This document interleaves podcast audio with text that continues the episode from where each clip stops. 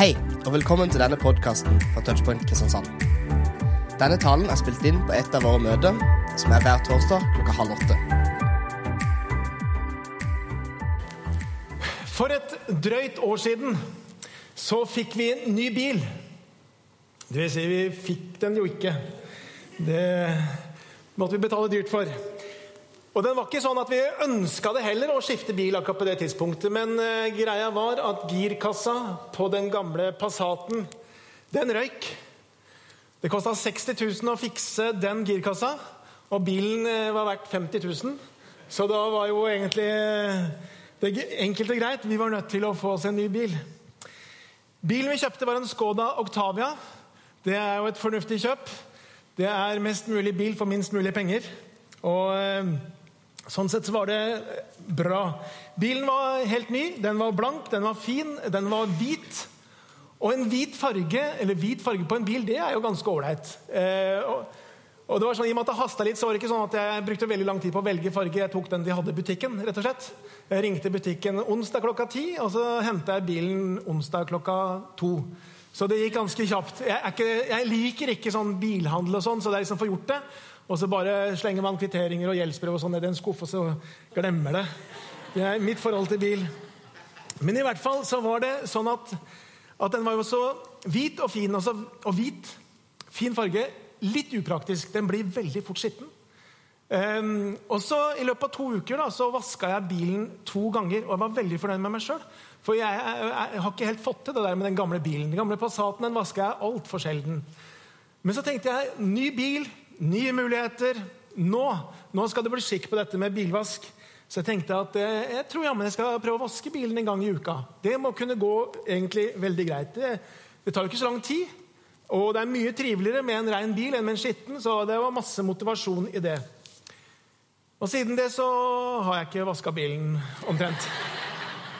Jo, da jeg gjør det Når naboenes barn skriver 'vask meg' på bakruta, så skjønner jeg at det er på tide å vaske. Men det har ikke blitt oftere enn med den gamle Passaten.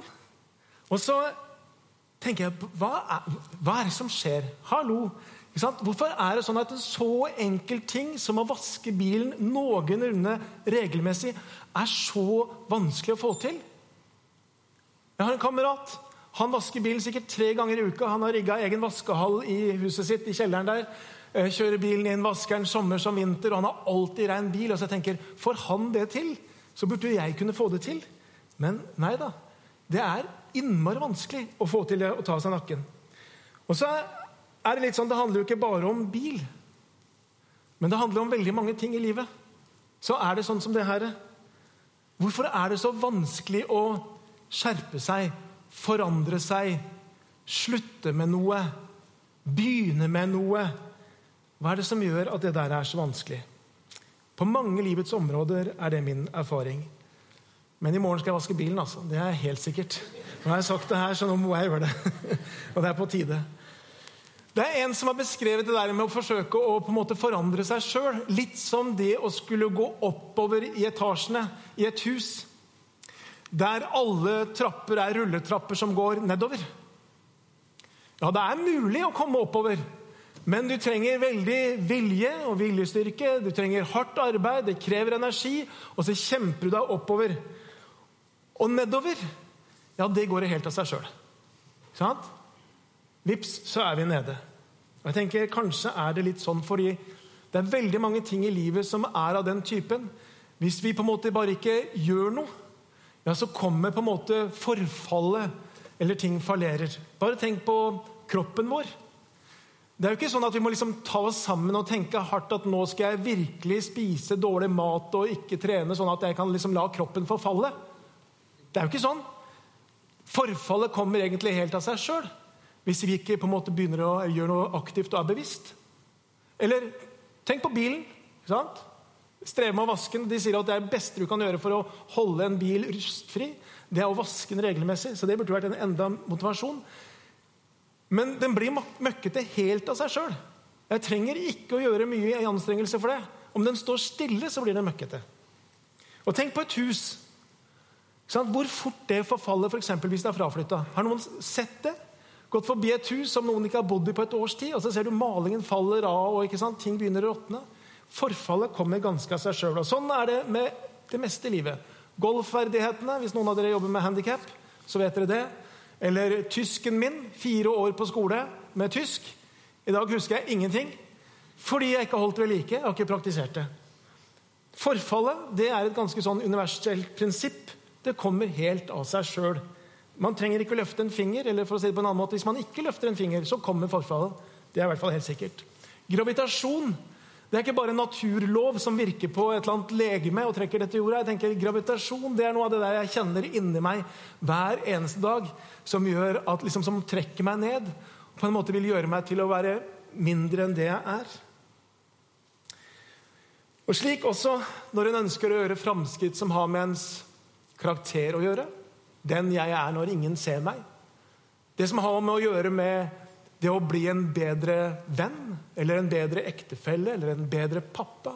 Alle de tingene der det kommer ikke av seg sjøl. Og så kunne man kanskje tenkt sånn at bare årene går, bare tiden går, ja, så blir det bedre. Bare jeg blir eldre, så blir det liksom automatisk enklere å være mer moden og godhjerta og snill. Og så tenker jeg Det er nesten tvert imot. Og nå er jeg runda 50, så jeg vet hva jeg snakker om. Tendensen er nesten tvert imot. Når man blir eldre, så kan man veldig fort bli mer kynisk. Og tenke veldig fort om ting. Ja, det nytter ikke allikevel. Vi får ikke forandra på noen ting. Eller mer likegyldig. Og noen av de der ungdomsidealene de blekner og slukner, og så på en måte blir det bare ei suppe alt sammen. Eller man blir mer selvopptatt. Og så tenker man, og mange tenker sånn i min alder Nå er det på tide at jeg tenker på meg. Nå er det på tide at noen server meg. Nå har jeg serva andre i så mange år. Nå er det på tide at, at det er jeg som får lov til å stå litt i sentrum. Og når man kommer til min alder, så er det også mange som finner veldig gode måter å leve med doble standarder på. Hvor man gjerne kan kritisere noen for å leve på en slik måte. Også i bakgården så lever man nøyaktig på en sånn måte man selv kritiserer. Og så lever man tilsynelatende ganske greit med det. Med doble standarder. Hykleri var det Jesus kalte nettopp det. Så hvordan kan vi vokse i vår karakter? Hvordan kan vi ta skritt? Hvordan kan vi utvikle oss? Hvordan kan vi ha liv som bærer god frukt? Ja, Noen vil kanskje si det er gjennom store anstrengelser. Det er å sette seg noen mål, det er å bruke viljestyrke, det er å stå opp tidlig, det er å kjempe og arbeide hardt. Nesten som å gå opp en rulletrapp som går nedover. Mens andre de vil si nei, vet du hva, det kan du bare gi opp. Og Det er filosofiske retninger som sier det. Du kan ikke forandre deg. Alt er biologi. Du må bare akseptere den du er. Og så åpner vi Bibelen, som vi gjør på disse kveldene her. Og så er Bibelen og Det nye testamentet full av snakk, steder hvor det står om dette å modnes og vokse å bære frukt og bli forvandla igjen og igjen. Og hvordan vi kan på en måte bli satt fri fra denne tyngdekraften som trekker oss nedover. Hvordan vi kan bli satt fri fra denne rulletrappen som går nedover, som går feil vei. Hvordan vi kan gjøre noe med hjertet vårt, sånn at vi ikke er harde, kyniske, selvopptatte, gjerrige, men at det skjer noe her. Bibelen er full av det. Den svenske forkynneren og forfatteren Peter Haldorf han sier følgende Forvandling er et av de mest sentrale ord i den kristne tro. La dere forvandle, bli formet, fornyes, gjentar Paulus gang på gang i sin undervisning. Denne stadige forvandlingen er ikke et mål i seg selv, men peker på at vi skal bli oss selv, det vi er skapt til å være, som et gjenskinn av Gud. Og Jeg syns Peter Haldar formulerer det vakkert. At vi kan bli det vi er skapt til å være. Den mann, den kvinne som Gud har skapt oss til. Og så skal vi få lov til å bli det gjennom å forvandles, fornyes, forandres og bære frukt. Den teksten som vi skal dele sammen i kveld, det er en fantastisk tekst. Og det finnes en fantastisk metafor eller en lignelse som Jesus snakker om her. Om våre liv. Og om hvordan denne forvandlingen, denne veksten, faktisk kan skje. Og Denne teksten her, den sier at ja, det er mulig. Men den sier også noe om hvordan det skjer. Det er spennende. Er dere spent? Ja, det er jeg jo. Skal dere høre Johannes kapittel 15, og fra vers 1 skal vi lese sammen i Jesu navn. Og Jesus sier også dette til sine disipler den gangen, og han sier det til alle som ønsker å leve livet sitt sammen med Jesus. Han sier, 'Jeg er det sanne vintre, og min far er vinbonden.' 'Hver grein på meg som ikke bærer frukt, tar han bort.' 'Og hver grein som bærer frukt, renser han, så den skal bære mer.' 'Dere er alt reine på grunn av det ordet jeg har talt til dere.' 'Bli i meg, så blir jeg i dere.' Og slik som greiene ikke kan bære frukt av seg selv, men bare hvis den blir på vintreet, slik kan heller ikke dere bære frukt hvis dere ikke blir i meg. Jeg er vintreet, dere er grenene. Den som blir i meg og jeg ham, bærer mye frukt. For uten meg kan dere ingenting gjøre. Den som ikke blir i meg, blir kastet utenfor som en grein og visner. Og greinene blir samlet sammen og kastet på ilden, og de brenner. Hvis dere blir i meg, og mine ord blir i dere, da be om hva dere vil, og dere skal få det. For ved dette blir min far æret, ved at dere bærer mye frukt og blir mine disipler. Som far har elsket meg, har jeg elsket dere. Bli i min kjærlighet. Hvis dere holder mine bud, blir dere min kjærlighet, slik jeg har holdt min fars bud og blir i hans kjærlighet. Dette har jeg sagt dere, for at min glede kan være i dere, og deres glede kan bli fullkommen. Sånn lyder Herrens ord skal vi be om at Jesus kan åpenbare, vise oss hva dette betyr. Kjære Jesus Kristus, jeg takker deg for ditt ord, som du har gitt oss.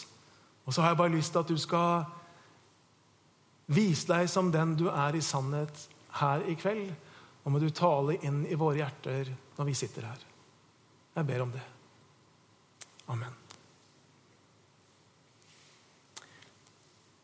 Denne teksten som vi har lest, peker på en utrolig stor og viktig sannhet. Og det er dette at for den som lever i et livssamfunn eller en relasjon med Jesus, for den som lever i et slikt liv, så er vekst ikke bare mulig, men vekst er umulig å unngå. Den er uunngåelig når vi har fått våre liv poda inn i Jesus Kristus. Jesus sier 'Den som blir i meg, og jeg i han', når det er en sånn type forening, så sier han 'den bærer mye frukt'.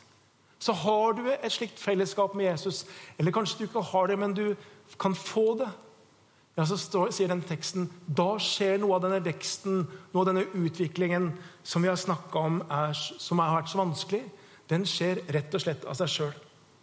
Vekst blir ikke beskrevet som en sånn anstrengelse du må gjøre disse fire punktene, og så opplever du vekst i ditt eget liv. Det er ikke en selvhjelpstekst med liksom syv skritt, men det er en tekst som viser at, at denne veksten er uunngåelig av én en eneste årsak, nemlig det at vi har våre liv planta, poda inn i Jesus Kristus. Denne foreningen mellom Jesus og den som tror. Jesus sier, 'Jeg er vintre', sier Jesus. Det sanne vintre. Og dere dere er greinene på dette treet. Og så er det stammen eller roten som har kontakten med jorda, med næring, med vann. Og så går på en måte dette næringa og det livgivende vannet det går opp, og så kommer det til slutt til greinene dersom det er en kontakt der. Det er det eneste greinene gjør for å bære frukt. Det eneste de gjør, det er å være kobla på Jesus. Det eneste greiner på et frukttre gjør, det er på en måte å henge der. De gjør ikke veldig mye.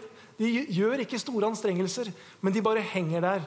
Og På samme måte så er det med oss. Det handler om å det er nesten en blødme, men å henge med Jesus. Sånn som greinene henger på treet. Og Jesus bruker et, synes jeg, et genialt bilde når han snakker om denne forholdet, relasjonen mellom den som tror, og Jesus selv. Og denne forholdet, denne relasjonen, beskrives på en helt annen måte enn alle andre relasjoner. Annerledes enn mellom venner, mellom kollegaer, eh, mellom foreldre og barn. Ja, til og med mellom ektefeller. I alle disse relasjonene så har vi stor påvirkning på hverandre. Ikke sant? Vi lærer av hverandre, og vi, vi blir påvirka av hverandre hele tiden. Men når det gjelder Jesus og den som tror, så sier Jesus da er det en annen type forening som skjer. Da er det et liv som kobles sammen. Vi transformeres til et helt nytt liv. Og det er det som skjer. Å være kristen handler ikke bare om å ha noe vi tror på og holder for sant.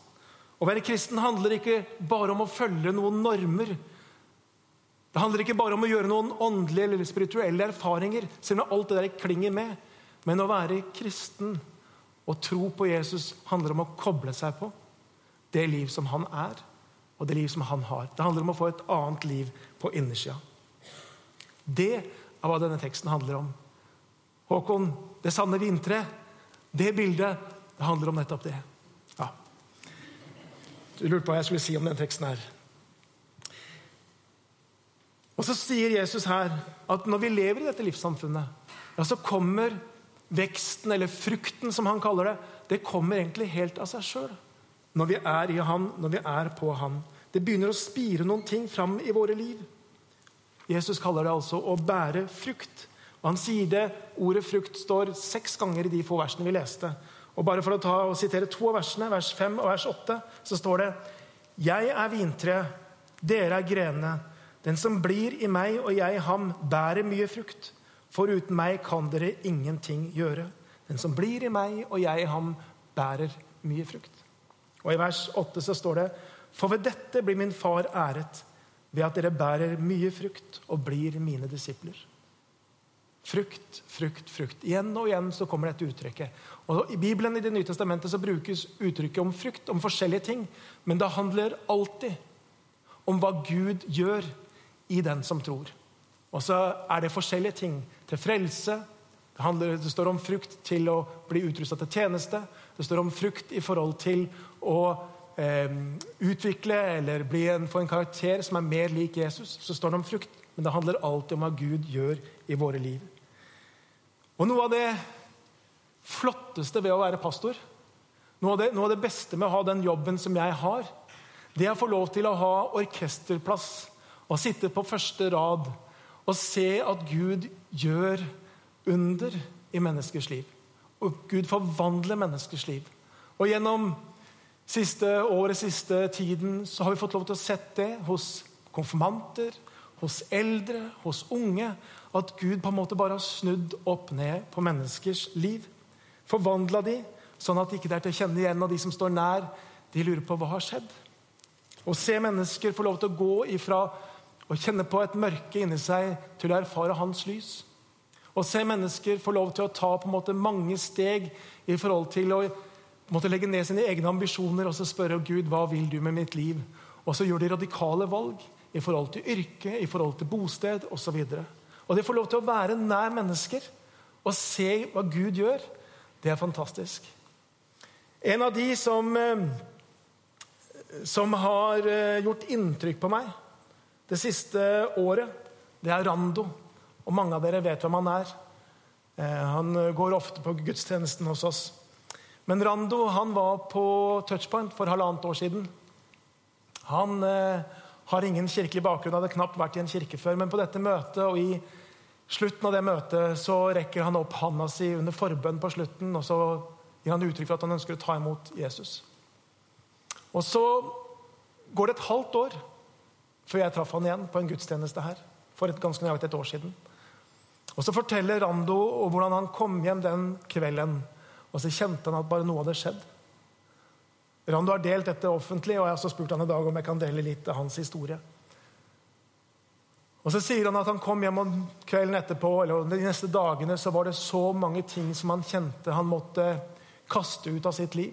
Det var så mange radikale valg han måtte gjøre, som handla om arbeidsplass, som handla om hva han brukte tida sin på, handla om relasjon til sin kjæreste. Det var så mange ting som han på en måte rydda i ganske raskt. Og ikke fordi at det var noen som sa at han måtte gjøre det, eller at kristen livsstil var sånn, men det var noe som kom innenfra. Det var noe bare som spira fram. Og det var noe på en måte frukt i hans liv som ble synlig. Og så vil han si i dag at livet mitt er helt forvandla. Og så vil kjæresten hans, de skal snart gifte seg, si at Rando han er helt annerledes enn det han var. Og hvorfor? Jo, fordi Gud får lov til å gjøre noe innenfra. Og så blir det ikke at man forsøker å ta seg sammen, men det blir en forvandling innenfra og ut fordi det har kommet en livskontakt mellom et menneske og Jesus Kristus. Og Det er denne denne teksten her handler om. Så Det første Jesus snakker om i denne teksten, det er også at dette med vekst eller forvandling eller å bære frukt ikke bare er mulig når vi er kobla på Jesus, men det er uunngåelig. Så lenge vi er det, så vil vi bære frukt i våre liv. Det svarer på spørsmålet hvorfor vi kan vokse, eller hvorfor vi vokser. Men det andre denne teksten sier noe om, og det skal vi bruke resten av tida på, det er dette at Jesus peker på at det er to sider ved denne veksten. Det er to på en måte, som er aktive i denne veksten. og Det ene det er at grein, greinene de gjør noen ting, de. Og så finnes det en vinbonde i denne lignelsen som Jesus presenterer. Og Så skal vi se på det, og så sier han at Gud er vinbonden. Og Han renser og beskjærer og har omsorg for denne vinplanta. og vi skal se på det etterpå. Men først, hva er det greinene skal gjøre? Jo, greinene, eller vi som tror, vi har kun én jobb å gjøre. Én en eneste ting vi skal gjøre. Det er ikke en hel haug med ting, det er ikke sju punkter, men det er én ting, og det er det eneste Jesus sier i denne lignelsen. her. En eneste ting, Og det er å være kobla på stammen. Bli i meg, sier Jesus til sine disipler. Igjen og igjen og igjen så sier han dette. Bli i meg. Og I de elleve versene som vi leste, så ser vi at det kommer igjen. Igjen og igjen og igjen. I vers 4 så står det 'Bli i meg, så blir jeg dere'. Vers 4b.: Hvis dere ikke blir i meg, og da er det negativt, kan dere heller ikke bære frukt. Vers 5.: Den som blir i meg, og jeg ham, bærer mye frukt. Vers 6.: Den som ikke blir i meg, blir kastet utenfor som greiner og visner. Vers 7.: Hvis dere blir i meg, og mine ord blir i dere. Vers 8. Bli i min kjærlighet. Og 10. Hvis dere holder mine bud, blir dere i min kjærlighet. I løpet av elleve vers så kommer dette igjen sju ganger.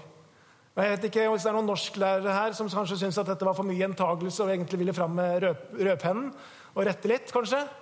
Men det, men det er det er som vi kan høre på en måte Jesus' sin desperasjon. Det er som man på en måte bare vil understreke at dette må dere ikke gå glipp av, dette må dere ikke miste, dette må dere ikke bomme på. Det er én ting det handler om, og det er dette 'bli i meg'. Bli i meg. Og noen av dere, når dere ser denne setningen 'bli i meg', så tenker du ja. Yes, det er det det handler om.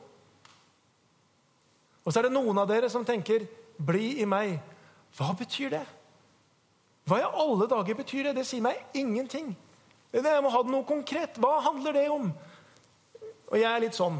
Jeg har litt tungt for det. Det må liksom være konkret. Sånne lyriske, fine formuleringer. Det, hva betyr det egentlig? Og så tror jeg faktisk at Jesus sier i denne teksten i hvert fall tre ting som det betyr å bli han. Og Vi skal ta oss tid til å se på de tingene der. For det første så sier Jesus dette hvis dere blir i meg, og mine ord blir i dere. Mine ord blir i dere. Så det å bli Jesus handler på en eller annen måte noe om å bli eller om å være i Hans ord, i Bibelen, i Guds ord. Det er en bit av det. Og For min egen del så har jeg funnet det helt nødvendig å bruke tid i Guds ord. Sette meg ned, ha noen steder, noen tider hvor jeg kan få lov til bare å sette meg ned og så kan jeg lese og ta til meg. Og så er det noen ganger jeg tenker yes, i dag fikk jeg virkelig noe. Og så er det andre ganger jeg tenker i dag fikk jeg ikke så mye.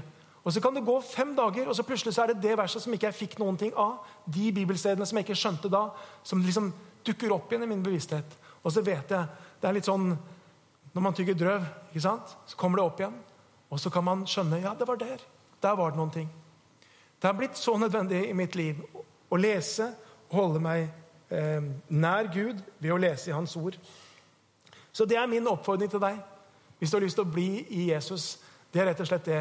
Finn en tid, finn et sted, finn en måte hvor du kan ta til deg av Guds ord. Aleine i ditt lønnkammer, som vi sa. Aleine ved pulten. Et, sted hvor du kan være aleine. Kanskje sammen med en liten gruppe, men også i en menighet sånn som dette her. Men det å fordøye lese, grunne og leve ordet. La det gjennomtrenge oss. Du blir du, det du spiser, er et ordtak. Og Det er sikkert masse sant i det. Og Sånn er det i hvert fall med dette som har med påvirkning. Vi er i en verden, et samfunn, hvor det er så mange ting som påvirker oss.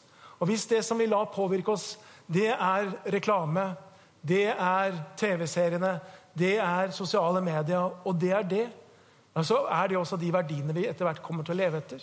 Vi blir det vi tar inn. Og Derfor så er det så viktig at vi også fyller oss med det som har med Guds ord å gjøre. Bli i meg, og mine ord blir i dere. Og slik kan vi være grener på vintreet. Det andre Jesus sier, det er dette Bli i min kjærlighet. Bli i min kjærlighet. Og hva betyr det? Og det er sånn at Når vi lar Jesus bli vår redningsmann, når vi lar Jesus bli vår frelser, når vi tar imot han, så det som møter oss da, det er hans kjærlighet. Som far har elsket meg, sier Jesus i den teksten, elsker jeg dere. Og Det er så viktig at vi holder fast på det. Hvor utrolig høyt Gud elsker oss. At vi aldri mister det perspektivet.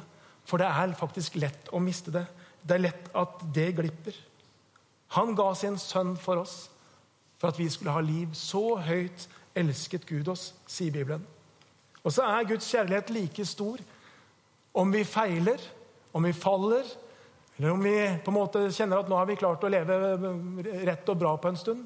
Om vi er ferske i troen, eller om vi på en måte er eh, gamle gudsmenn som har levd med Gud hele livet, så er Guds kjærlighet mot oss den er fullkommen, den er konstant, den er der hele tiden.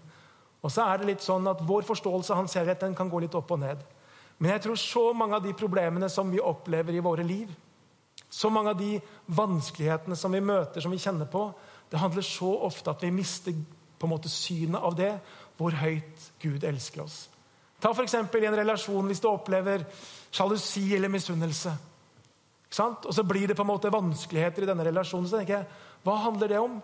Jo, Det handler om på en måte behov for å være bekrefta. Det handler om behov for på en måte å, eh, at andre skal synes om henne. Og så tenker jeg Det viktigste, og den viktigste bekreftelsen vi kan få som menneske, det er at Gud elsker oss. Så når vi mister det, så blir det tull med de andre relasjonene også. Bekymring, hva handler det om? Noen av dere var på gudstjenesten sist søndag, så da talte jeg om det. Men bekymring det handler om at på et eller annet vis så tenker jeg at jeg må ha kontrollen. Jeg må ha styringen. Det er jeg som vet best. Og så kommer bekymringen. Bekymring handler egentlig om at vi vil være Gud. Et annet alternativ det er å skjønne hvor høyt Gud elsker oss, og så på en måte si 'Jeg legger mitt liv i dine hender'. Og så stoler jeg på at du har kontrollen, og så kan vi hvile fra vår bekymring. Når vi strever og stresser for å på en måte få gode resultat på skolen eller i jobb, og så på en måte tar det nesten livet av oss, og så tenker vi at vi må prestere sånn at jeg kan vise at jeg er verdifull. Og så tenker jeg hvis vi lander i dette hvor høyt Gud elsker oss, så skjønner vi at vår verdi handler ikke om hva vi presterer, men at Han har skapt oss, og at Han elsker oss. Det er så mange av de problemene som vi har i våre liv, som handler om akkurat dette. At vi ikke blir i hans kjærlighet, men at vi går ut av det. At vi glemmer det, at vi mister det. Det siste som, å, som Jesus sier her, som jeg har lyst til å bare peke på, det er dette eh, om å bli Han. Det står hvis dere holder mine bud, så blir dere i min kjærlighet. Så det å holde budene har også noe med dette å bli i Jesus. Det å leve sånn som Jesus vil at vi skal leve. Det å følge det som er hans vei. Ja, Ved det så klarer vi jo faktisk også å bli han. Jeg var sammen med noen tiendeklassinger her i kirken for en stund siden. Jeg var invitert for å svare på noen spørsmål. sånn der Grill en pastor eller skyt på pastoren eller en sånn seanse. Ja, det er festlig. Jeg må si at jeg var veldig imponert over det nivået disse tiendeklassingene hadde på spørsmålene sine. Jeg tror ikke jeg var helt der når jeg gikk i tiende. Det var veldig mye bra. Og Et av de spørsmålene som de stilte meg, det var dette. Når vi er frelst av nåde og ikke gjerninger, hvorfor skal vi da likevel leve rett? Ja, Det er jo et godt spørsmål. Hvorfor i alle dager skal vi stresse med å leve rett hvis vi er frelst av nåde? Jeg tenker, Det er et spørsmål som jeg tror ikke bare tiendeklassinger lurer på. Det tror jeg vi lurer på mange. Men jeg tenker svaret det ligger i nettopp det vi leste. At motivasjonen for å holde hans bud ikke handler om eh, frykt for straff. Men motivasjonen for å holde hans bud handler om dette. Hvis dere holder mine bud, da blir dere min kjærlighet. Nemlig det at det er kjærligheten som er motivet. Det er kjærligheten som er drivkraften til å holde hans bud. Ikke frykt for straffen, men fordi jeg har sett i hvert fall et glimt av hvor høyt han elsker meg. Det er klart, Jeg har lyst til å være snill mot kona mi. Og så er ikke det fordi jeg er redd for at hun skal bli sint på meg hvis jeg ikke er det. Det er fordi at jeg er glad i henne. Da er det ikke så vanskelig, når kjærligheten er levende, å leve sånn som han vil. Så det var egentlig det greiene skulle gjøre ut ifra denne teksten her. Først og fremst dette. Bli i Han. Og så har vi forsøkt å konkretisere det, sånn som jeg tror Jesus også gjør i denne teksten. Men det er én faktor til. Og det er den faktoren som i lignelsen her kalles for vinbonden. Jesus snakker om at det er I denne vingården så er det en gartner eller en vinbonde. Og en vinbonde, Hva er hans oppgave? Jo, det er å ta vare på alle disse plantene som står der i vingården. Eh, vintrærne. Og så fikse og ordne og omsorg. Og så er det vinbonden som hele dagen ser til at alt er fint og at alle har det bra. Og om natten, hvis det er uvær, så er det vinbonden som står opp, og så pakker han litt rundt i, og så ordner det opp. Og så sier Jesus i våre liv For det er våre liv han snakker om her. Ja, så har vi faktisk en Gud som er aktiv i våre liv for at vi skal vokse, for at vi skal bære frukt. Og han er der på ulik måte for å støtte og for å hjelpe. Han er der i våre liv. Jesus sier og Det er altså da mitt eh, tredje punkt her i kveld. Gud holder på med noe i våre liv. Han holder på med å støtte, med å hjelpe i våre liv. Og Jesus sier at det er noen greiner på dette vinteret som ikke bærer frukt. De står der. De er ikke visne, men det er heller ikke noe frukt på dem. Og Hva sier Jesus da i vers 2? Hver grein på meg som ikke bærer frukt, tar han bort. Og hver grein som bærer frukt, renser han så den skal bære mer. Vingårdsmannens oppgave det er å sørge for at frukten at den kan få lov til å spire. Og Ordet som her i vers 2, hvor det står 'Hver grein på meg som ikke bærer frukt', tar han bort. Det greske ordet som står der, det kan også bety 'løfter han opp'. Og Egentlig så er det ganske logisk. For vingreiner, for sånne ja, tynne greiner, de legger seg gjerne på bakken. Og det vingårdsmannen må gjøre med de greiene for at de skal bære frukt, det er å ta de opp. Børste av støvet, vaske de reine, og så binder han de opp. Og kanskje er det, og noen bibeloversettelser har den oversettelsen, løfter han opp. Sånn at de kan få lov til å komme fram i lyset, at de kan få vekstrom, og at de kan bli i stand til å bære frukt. Det er noe av vingårdsmannens oppgave.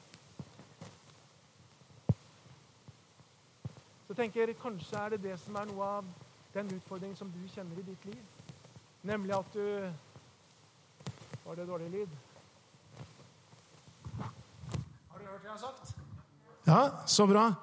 Her var det lyd. Masse lyd. Så bra. Så kanskje kan du kjenne at det er det jeg trenger, egentlig. Mitt liv bærer ikke så mye frukt, men jeg trenger at Gud tar tak i meg og løfter meg opp.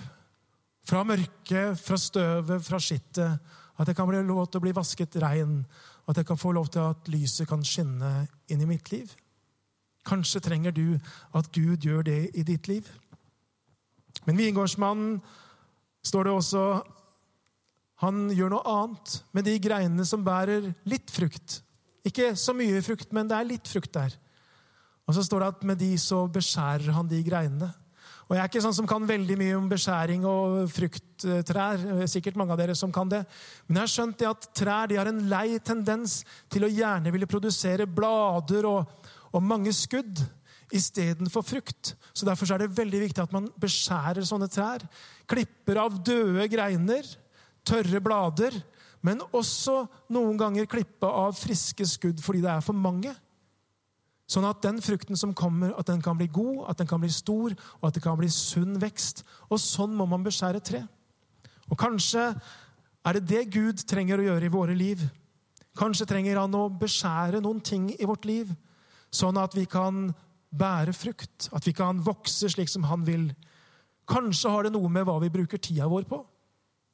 Kanskje er det der på en måte at unødvendig energi bare blir borte. Kanskje er det noen eh, Netflix-serier som vi godt kunne ha blitt beskjært fra. Og så kunne vi ha brukt tiden på noe annet isteden. Kanskje er det noe med hva jeg brenner for, som kanskje ikke er helt det som Gud ønsker at jeg skal brenne for. Og så trenger vi egentlig at vi får ja, beskjært litt i forhold til det. Kanskje er det noe med at jeg er så opptatt av å ha det komfortabelt og greit og trygt, fint, at jeg ikke går den veien som Gud vil. Eller kanskje er det sånn at det er noen ting jeg holder på med når ingen ser, når ingen er til stede, og som jeg skjuler for alle. Og så har jeg blitt minnet om så mange ganger at det der er det ønsker egentlig Gud å ta bort og beskjære. Gud ønsker å komme til i vårt liv, kutte bort villskudd, tørre greiner, sånn at vi kan få lov til å bære frukt og være den mann og den kvinne som vi er skapt til å være. Avslutningsvis, og jeg skal slutte nå hva betyr det, det Jesus sier om at han er vintreet og vi er greinene? For det første så har jeg lyst til å si til dere, og jeg har bare tre korte punkter, og det er dette. Tenk aldri smått om hva Gud kan gjøre i ditt liv. Ha ikke for små ambisjoner om hva Gud kan gjøre gjennom deg. Han lever i deg. Han vil at ditt liv skal bære frukt. Det er det ene.